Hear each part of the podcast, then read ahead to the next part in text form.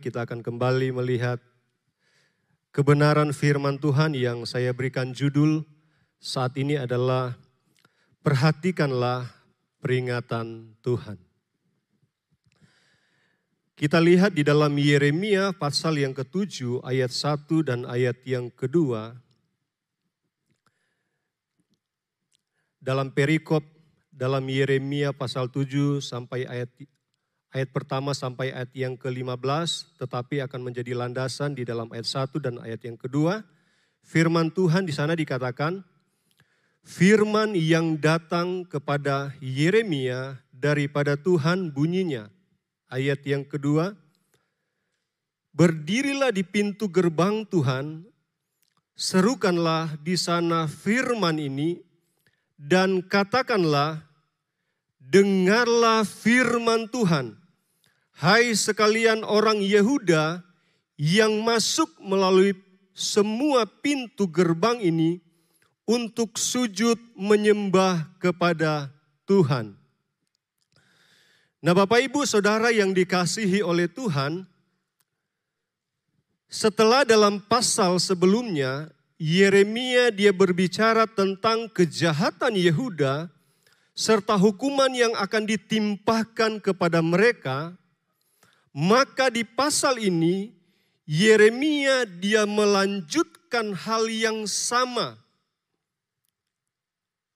yaitu dia menyampaikan peringatan Tuhan kepada umat Yehuda.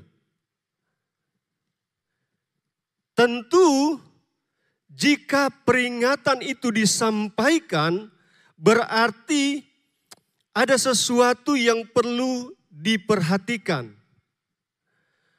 Ada sesuatu yang salah atau yang keliru. Jika kita melihat bahwa peringatan yang disampaikan oleh Yeremia ini kepada umat-umatnya atau bangsa Yehuda adalah sebuah peringatan yang justru dapat menunjukkan bahwa Allah kita adalah Allah yang peduli dengan mereka. Kita lihat, kita perhatikan di ayat ini bahwa dikatakan firman Tuhan ini disampaikan kepada bangsa Yehuda tentu saja Allah punya tujuan yang harus Allah sampaikan kepada mereka. Jadi untuk apa Allah menyampaikan peringatan ini kepada orang-orang Yehuda yang masuk ke dalam rumah Tuhan atau bait Tuhan. Di ayat yang ketiga, jika kita perhatikan di ayat yang ketiga, di sana dikatakan Beginilah firman Tuhan semesta alam, Allah Israel, perbaikilah tingkah langkahmu dan perbuatanmu, maka aku mau diam bersama-sama kamu di tempat ini. Perbaikilah perbuatanmu, tingkah langkahmu, maka Allah katakan, aku mau diam bersama-sama kamu di tempat ini. Allah sampaikan firman Allah ini. Dikatakan perbaikilah tingkah langkahmu dan perbuatanmu. Sekali lagi, di sini kita melihat bahwa ada sesuatu yang tidak disukai oleh Allah yang dilakukan oleh orang-orang Yehuda. Ada sesuatu yang salah, ada sesuatu yang tidak berkenan yang dilakukan oleh orang-orang Yehuda. Itu sebabnya dikatakan perbaikilah. Allah tidak mungkin dia memberikan teguran atau peringatan kepada Yehuda jika tidak ada sesuatu yang tidak beres. Demikian juga kepada kita, Allah tidak mungkin memberikan peringatan kalau kita tidak melakukan kesalahan. Peringatan itu tidak akan diberikan kalau kita tidak melakukan kesalahan. Justru karena ada sebuah pelanggaran, yaitu mereka melanggar ketentuan atau ketetapan Tuhan melalui sikap hidup serta perbuatan mereka yang jahat, maka peringatan itu diberikan. Bahkan kalau kita baca di ayat yang keempat, di sana dikatakan, janganlah kamu atau janganlah percaya kepada perkataan dusta yang berbunyi, ini baik Tuhan, baik Tuhan, baik Tuhan. Bukan saja mereka telah melakukan kesalahan atau kejahatan, tetapi Allah peringatkan kepada mereka jangan percaya kepada perkataan dusta. Perkataan dusta di sini adalah perkataan yang tidak benar. Perkataan dusta di sini adalah perkataan yang menyimpang.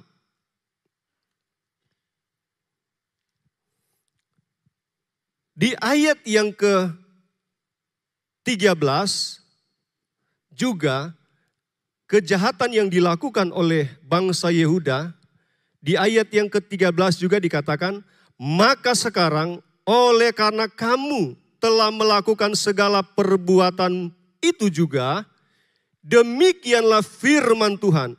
Dan oleh karena kamu tidak mau mendengarkan sekalipun aku berbicara kepadamu terus menerus, dan kamu tidak mau menjawab sekalipun aku berseru kepadamu. Nah, apakah perbuatan yang telah dilakukan oleh orang-orang Yehuda di ayat yang ke-13 ini? Kita undur di ayat yang ke-11 dikatakan, Sudahkah menjadi sarang penyamun di matamu rumah yang atas namaku diserukan ini? Kalau aku Aku sendiri melihat semuanya. Demikianlah firman Tuhan. Nah, Bapak Ibu Saudara yang dikasih oleh Tuhan, rupanya mereka dengan sengaja tidak lagi menghargai atau menghormati atau tidak lagi melihat rumah Tuhan sebagai tempat kudus di mana Allah atau di mana nama Allah diserukan di sana. Itu sebabnya Tuhan katakan, apakah rumah ini sebagai sarang penyamun? Hal inilah yang membuat Allah semakin marah kepada mereka. Sehingga peringatan itu disampaikan.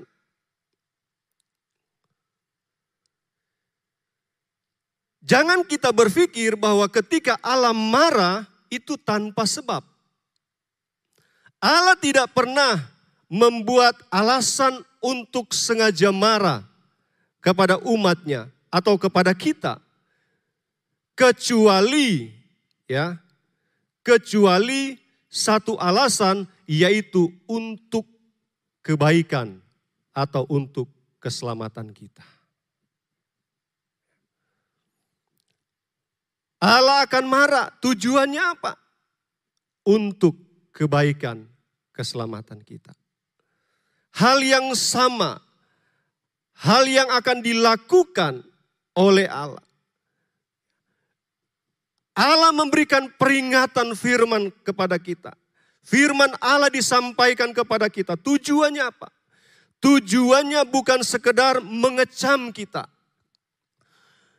Tetapi kita harus memperhatikan dengan sungguh-sungguh setiap peringatan disampaikan kepada kita karena itu adalah hal yang menyangkut keselamatan untuk hidup kita sebagai orang-orang yang percaya. Itu sebabnya Bapak Ibu Saudara yang dikasih oleh Tuhan, kalau firman ini datang sebagai teguran atau sebagai peringatan untuk kita, jangan pernah kita menolaknya. Amin. Jangan pernah kita menolak ketika ada firman Tuhan sebagai teguran, sebagai peringatan dalam hidup kita. Perbuatan jahat, bahkan mempercayai perkataan dusta, adalah bentuk penyimpangan terhadap firman Tuhan. Bahkan tidak menghargai tempat di mana Allah hadir itu adalah sebuah kejahatan di mata Tuhan. Karena di dalamnya kita merusak.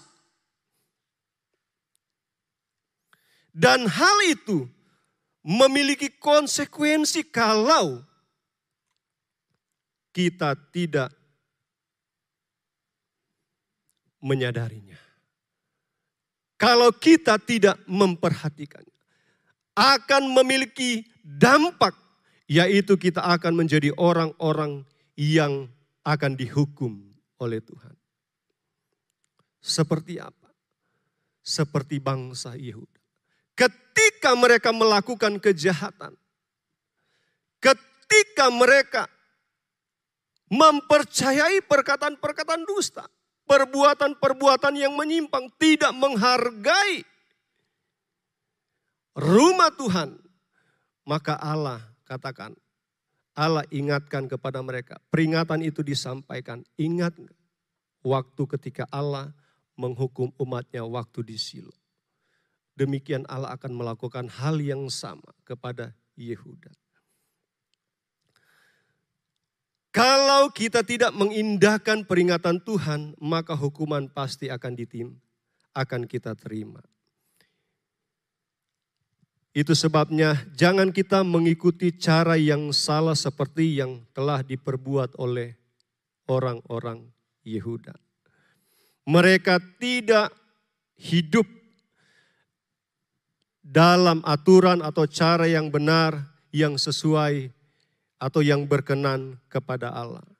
Nah, dari apa yang disampaikan oleh Yeremia ini memperlihatkan kepada kita bahwa kehidupan mereka ini mempunyai dua hal yang tidak dapat dipisahkan. Di ayat yang ketiga, ayat yang kelima, ayat yang ke sepuluh, saya simpulkan dalam dua hal yang dimiliki oleh orang-orang Yehuda adalah yang pertama, mereka beribadah kepada Tuhan di bait Allah. Ini yang pertama. Tetapi hidup mereka juga tidak bisa dilepaskan dari perbuatan mereka yang jahat. Mereka datang di bait Tuhan, mereka beribadah, mencari Tuhan. Tetapi tidak ketinggalan juga mereka melakukan kejahatan. Itu sebabnya jangan sampai ada di antara kita yang setia atau rajin beribadah kepada Tuhan, tetapi melakukan kejahatan juga tidak ketinggalan. Ketika Yehuda melakukan kejahatan tersebut, Allah juga peringatkan mereka. Namun sangat disayangkan mereka itu dikenal sebagai orang-orang yang keras kepala. Mereka tidak mau mendengarkan ketika Allah berbicara kepada mereka. Itu sebabnya di ayat yang ke-13 tadi dibaca, maka sekarang oleh karena kamu telah melakukan segala perbuatan itu juga, demikianlah firman Tuhan. Dan oleh karena kamu tidak mau mendengarkan, sekalipun aku berbicara kepada kamu terus-menerus dan kamu tidak mau menjawab sekalipun aku berseru kepadamu. Ini yang dikatakan oleh Allah kepada Yehuda. Mereka tidak mau mendengar. Mereka tidak mau memperhatikan setiap peringatan Tuhan teguran yang Tuhan berikan kepada mereka. Sekali lagi Bapak Ibu, Kalau Allah memperingatkan kita itu karena dia mengasihi kita. Amin. Itu sebabnya jangan pernah kita menjadi orang-orang yang terus menolak kalau peringatan itu datang. Bukankah Alkitab berkata bahwa siapa ku kasihi, ia ku tegur. Amin. Di dalam Wahyu 3 ayat yang ke-19 dikatakan, Barang siapa ku kasihi, ia ku tegur dan ku hajar. Sebab itu relakanlah hatimu dan bertobatlah. Kalau Allah menegur, kalau Allah memberikan peringatan, itu dasarnya karena dia mengasihi saudara dan saya. Pertanyaannya adalah, Apakah Allah jahat kalau dia menegur kita? Apakah Allah marah tanpa alasan kalau dia menghajar kita? Tentu saja tidak. Justru jelas Alkitab berkata teguran itu datang karena ia mengasihi saudara dan saya. Amin. Sikap dan perbuatan mereka itulah yang membuat Allah menentang. Itu sebabnya peringatan demi peringatan Allah selalu sampaikan kepada mereka. Allah sampaikan kepada mereka peringatan itu. Nah Bapak Ibu Saudara yang dikasih oleh Tuhan, menjadi umat Tuhan bukan sekedar status bahwa kita adalah orang-orang yang percaya atau orang-orang yang setia beribadah. Namun seharusnya bagaimana kita bisa membawa kehidupan kekristenan kita kepada sikap dan perilaku yang sesuai dengan kebenarannya. Percaya kepada firman Allah. Miliki ketaatan dan penundukan dalam kita melakukan kebenarannya. Itu yang Tuhan mau. Dengan kata lain bahwa setiap peringatan Tuhan yang disampaikan kepada kita harus kita perhatikan dan harus kita terima dan harus kita lakukan dengan sungguh-sungguh. Itu yang Tuhan mau. Nah itu sebabnya apa yang Tuhan mau ketika kita itu diingatkan. Ya, apa yang Tuhan inginkan. Menjadi respon kita ketika peringatan itu datang dalam hidup kita. Yang pertama dikatakan bertobatlah. Ya.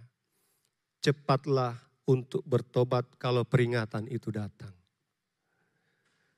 Pertobatan adalah berbalik dari cara hidup yang salah. Yang ayatnya sudah kita baca ayat 3 dan ayat yang kelima. Saya baca sekali lagi.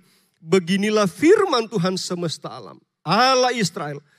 Perbaikilah tingkah langkahmu dan perbuatanmu. Maka aku mau diam bersama-sama kamu di tempat ini ayat yang kelima.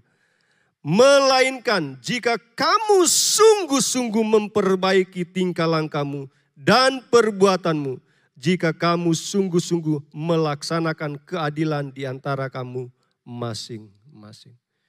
Respon yang Tuhan mau ketika Allah memperingatkan kita kalau karena kita sudah melakukan pelanggaran, karena kita sudah melakukan kesalahan, maka yang Allah mau adalah kita bertobat. Amin. Cepat-cepat berbalik. Kalau tidak, nanti kita akan menerima hukuman. Inilah yang Tuhan mau ketika kita diperingatkan. Dia mau kita meninggalkan cara hidup yang salah, cara hidup yang jahat, dan dia mau kita melakukan hal yang benar, hal yang berkenan kepada Tuhan. Dengan kata lain bahwa kita menjauhkan diri dari perbuatan-perbuatan yang dibenci oleh Tuhan. Perbuatan-perbuatan yang tidak disukai oleh Tuhan, ya. Harus ditinggalkan. Kita harus menjauhkan diri dari hal-hal yang demikian. Kita tidak lagi mengambil bagian dari perbuatan-perbuatan yang sengaja menyakiti hati Tuhan. Jangan kita mengambil bagian dari perbuatan-perbuatan yang mendukakan hati Tuhan. Tetapi yang Allah mau kita harus bertobat. Nah, pertobatan kita harus dibuktikan atau ditunjukkan melalui perubahan hidup ya. Perubahan hidup yang sesuai dengan apa yang Tuhan mau.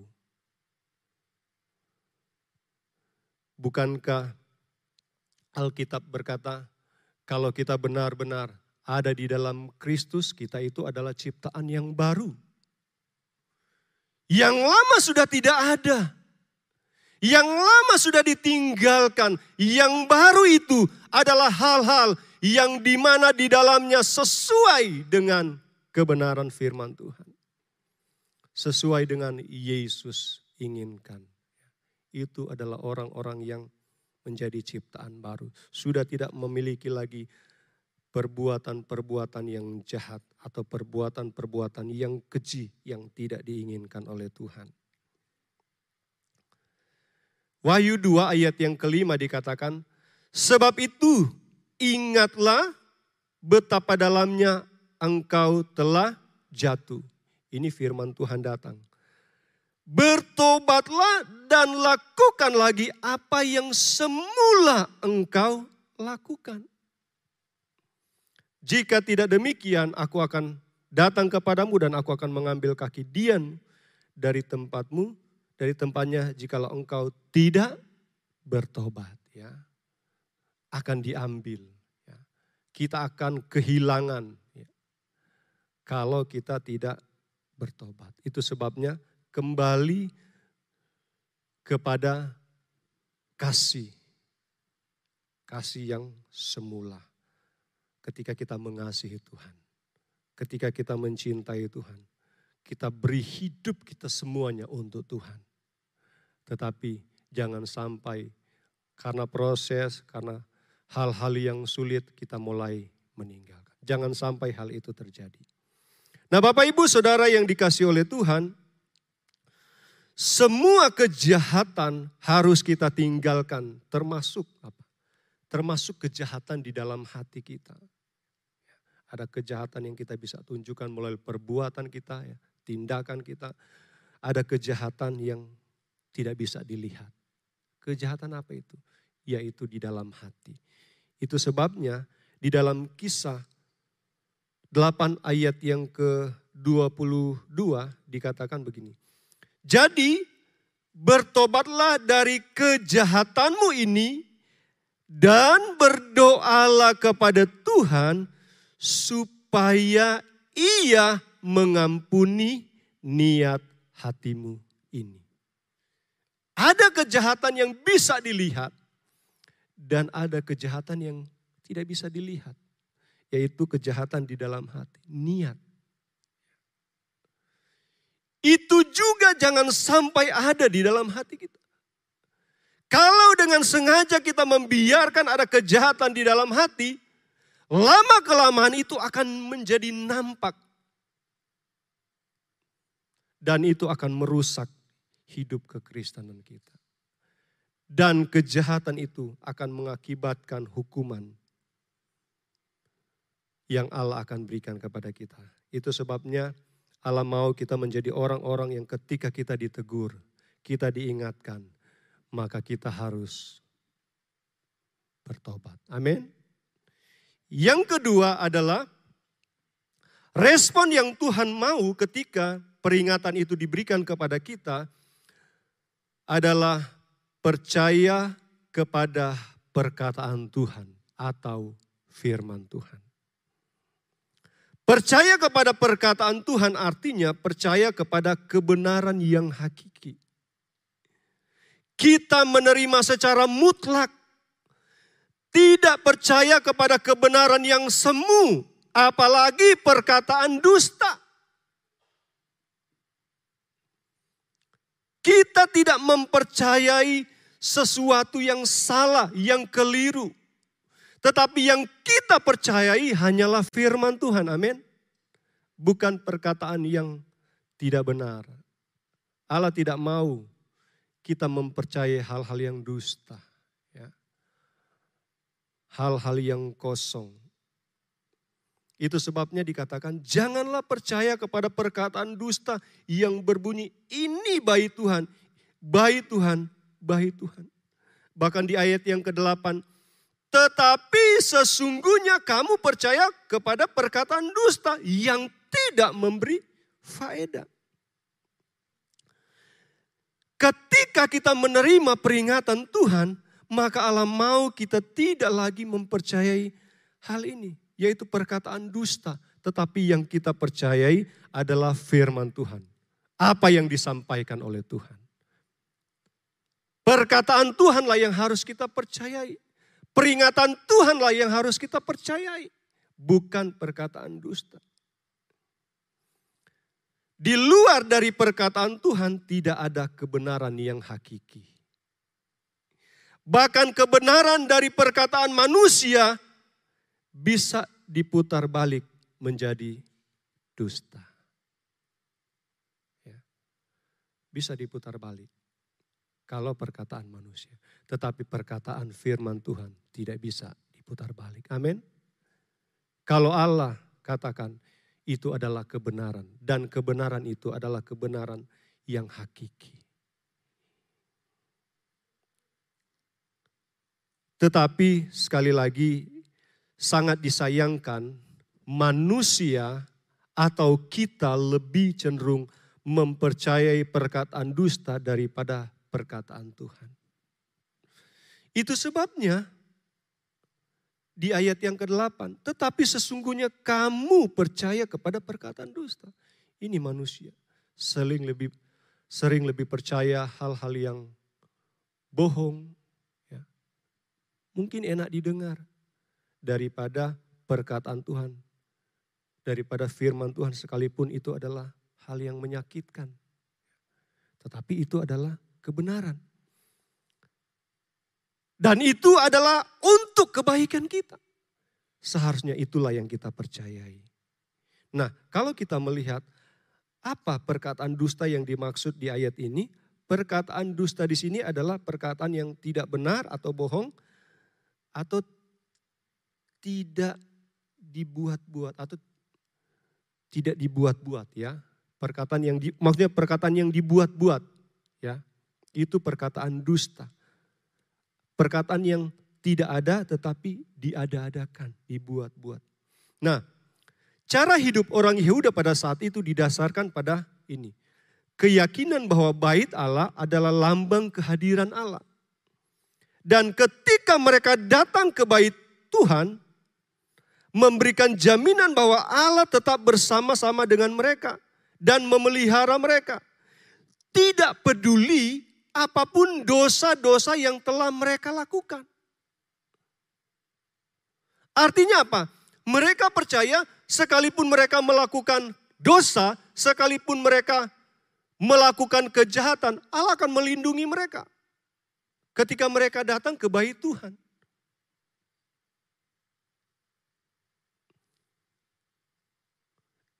Hal ini tidak benar. Hal ini adalah keliru. Hal ini adalah salah. Allah tidak akan pernah berkompromi dengan yang namanya dosa.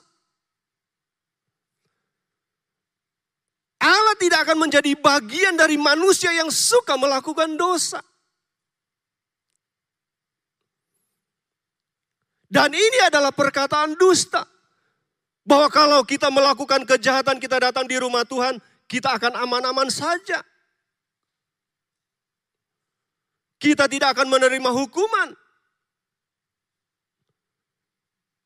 Itu sebabnya di ayat yang ke-9 dan ayat yang ke-10, Allah katakan, Allah peringatkan kepada mereka, masakan kamu mencuri, kamu membunuh, kamu bersina dan bersumpah palsu membakar korban kepada Baal dan mengikuti Allah lain yang tidak kamu kenal.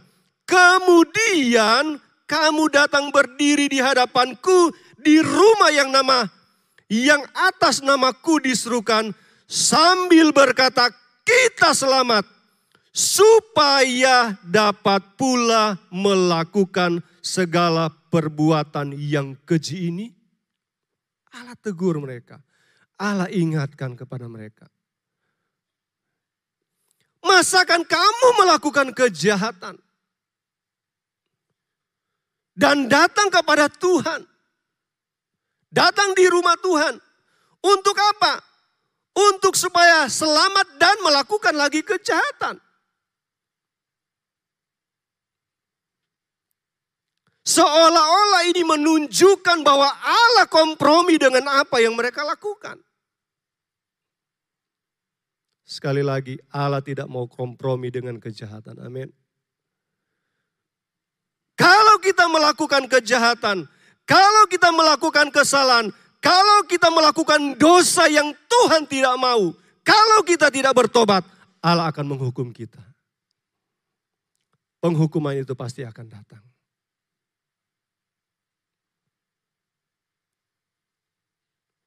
Seolah-olah kita bisa mempermainkan Tuhan ketika kita datang kepada Tuhan, lalu kita mau melakukan kejahatan lagi.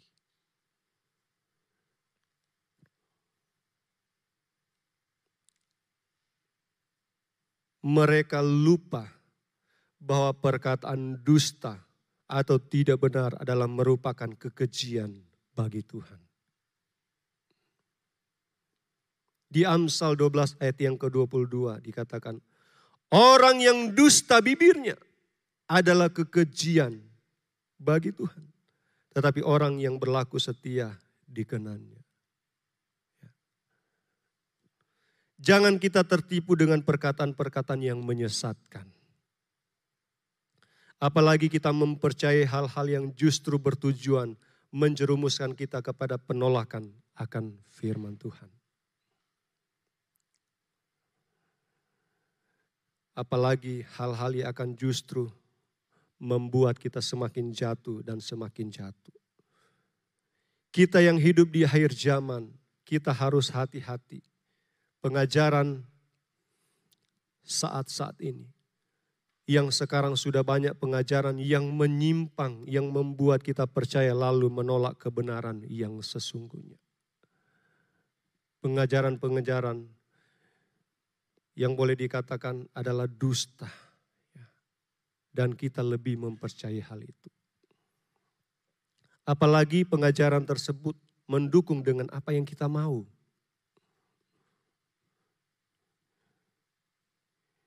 Contohnya mungkin kita tidak perlu beribadah lagi di gereja. Cukup di rumah saja, yang penting beribadah. Kedengarannya bagus ya. Kedengarannya baik. Kalau dipikir sepertinya benar. Namun pertanyaannya, tujuannya apa? Kalau memang kita lagi sakit, tidak menjadi masalah. Kita nggak bisa keluar rumah atau karena usia yang sudah tidak memungkin lagi kita datang ke gereja. Tidak apa-apa. Tapi kalau itu hanya untuk sebuah alasan yang dibuat-buat, maka hal itu adalah persoalannya. Hal yang lain lagi, soal berkorban buat gereja, memberikan persembahan, termasuk persepuluhan. Dikatakan sudah tidak relevan lagi. Dengan berbagai dalih yang dibuat-buat, dicari-cari untuk mendukung persetujuan mereka. Padahal jelas-jelas bahwa Allah tidak pernah meniadakan semua. Tetapi kita manusia sengaja membuat itu menjadi dusta. Ya. Membuat tidak benar. Dan kita percaya itu. Kita lebih mempercayai hal-hal yang dibuat oleh manusia. Itu sebabnya Bapak Ibu Saudara yang dikasih oleh Tuhan pengajaran firman Tuhan terus disampaikan. Untuk apa? Agar kita lebih memahami, mengerti firman Tuhan. Supaya kita tidak disesatkan dengan pengajaran-pengajaran yang salah, yang keliru. Seolah-olah berlandaskan Alkitab, tetapi sudah disimpangkan, sudah dibuat keliru. Nah, kita diingatkan hati-hati dengan perkataan dusta, karena itu justru akan membuat kita semakin menyimpang dari kebenaran. Dan yang ketiga adalah jaga dan hormati tempat kediaman Tuhan. Di ayat yang ke-11 dikatakan, Sudahkah menjadi sarang penyamun di matamu rumah yang atas namaku disuruhkan ini? Kalau aku sendiri melihat semuanya, demikianlah firman Tuhan. Nah Yeremia sampaikan peringatan ini dan bertanya kepada Yehuda dengan berkata, Sudahkah menjadi sarang penyamun di matamu rumah yang atas namaku diserukan?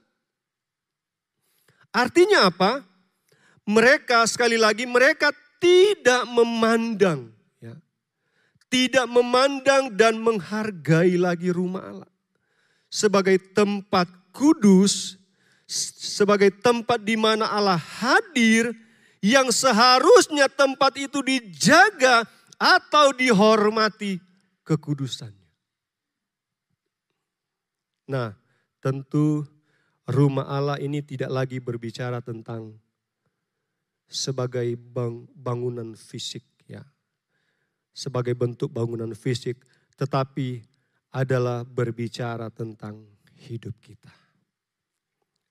Bukankah di 1 Korintus 3 ayat yang ke-16 dikatakan, tidak tahukah kamu bahwa kamu adalah bait Allah atau rumah Allah. Dan bahwa roh Allah diam di dalam kamu. Hidup kita ini adalah rumah Allah. Hidup kita ini adalah baitnya Tuhan kita harus menjaga. Jangan sampai kita menjadikan hidup kita ini sebagai sarang penyamun. Ada kotoran-kotoran dosa dengan sengaja kita masukkan di dalam hidup kita. Jangan sampai itu terjadi. Karena sebenarnya Allah mau berdiam atas hidup kita. Tetapi karena dia melihat ada dosa, ada kejahatan di dalam diri kita, maka itu yang membuat dia tidak mau tinggal bahkan menjauh dari hidup kita. Dia menjauh, dia nggak mau tinggal. Bukankah Allah berkata kepada orang-orang Yehuda, kalau kamu bertobat, kalau kamu tinggalkan semua cara hidup yang salah, tidak ada dosa lagi di dalam dirimu. Maka aku akan diam bersama-sama kamu di tempat ini. Di mana rumah mereka masuk untuk beribadah kepada Tuhan. Demikian juga dengan hidup kita. Kalau kita menjaga hidup kita ini, kita menjauhkan diri dari segala bentuk kejahatan, maka hidup kita ini akan menjadi rumahnya Tuhan. Amin. Allah akan mau berdiam di dalam hidup kita. Kalau kita benar-benar menjaga hidup kita. Dikatakan perbaikilah, maka Allah mau berdiam. Artinya jika kita masih melakukan kejahatan, maka jangan berharap Allah mau tinggal di dalam hidup kita. Allah hanya akan berdiam di tempat di mana hanya tempat itu tidak ada kejahatan. Itu sebabnya sekali lagi kita harus menjaga kekudusan hidup kita. Jangan sampai sampah-sampah dosa itu yang justru tinggal di dalam hidup kita. Yang keempat adalah kita harus memiliki penundukan atau ketaatan. Penundukan diri ketika peringatan itu datang. Mengapa kita harus memiliki penundukan diri? Sebab Alkitab jelas berkata bahwa Allah itu dia sangat menentang orang-orang yang congkak. Ya. Apalagi orang-orang yang keras kepala yang tidak mau dinasehati. Yang sombong. Di Yakobus 4 ayat yang ke-6 Jangan kita seperti orang-orang Yehuda ya, yang dikatakan sudah ditegur, sudah diingatkan, bahkan Allah terus menerus berseru kepada mereka, menyampaikan peringatan kepada mereka. Tetapi mereka keras kepala. Jangan sampai ada di dalam diri kita. Kita harus punya penundukan. Amin. Kita harus punya ketaatan kepada firman Tuhan. Jadilah orang Kristen yang memiliki ketaatan, penundukan diri terhadap firman Tuhan. Yang terakhir kesimpulannya, terimalah peringatan Tuhan melalui perubahan cara hidup yang benar. Percayalah kepada firman Tuhan dan bukan kepada perkataan dusta. Kita harus jaga hidup kita yang adalah rumah Tuhan ini. Jaga kekudusannya, jangan dirusak hidup kita. Serta milikilah ketaatan, penundukan hanya kepada Tuhan. Hanya kepada firman Tuhan.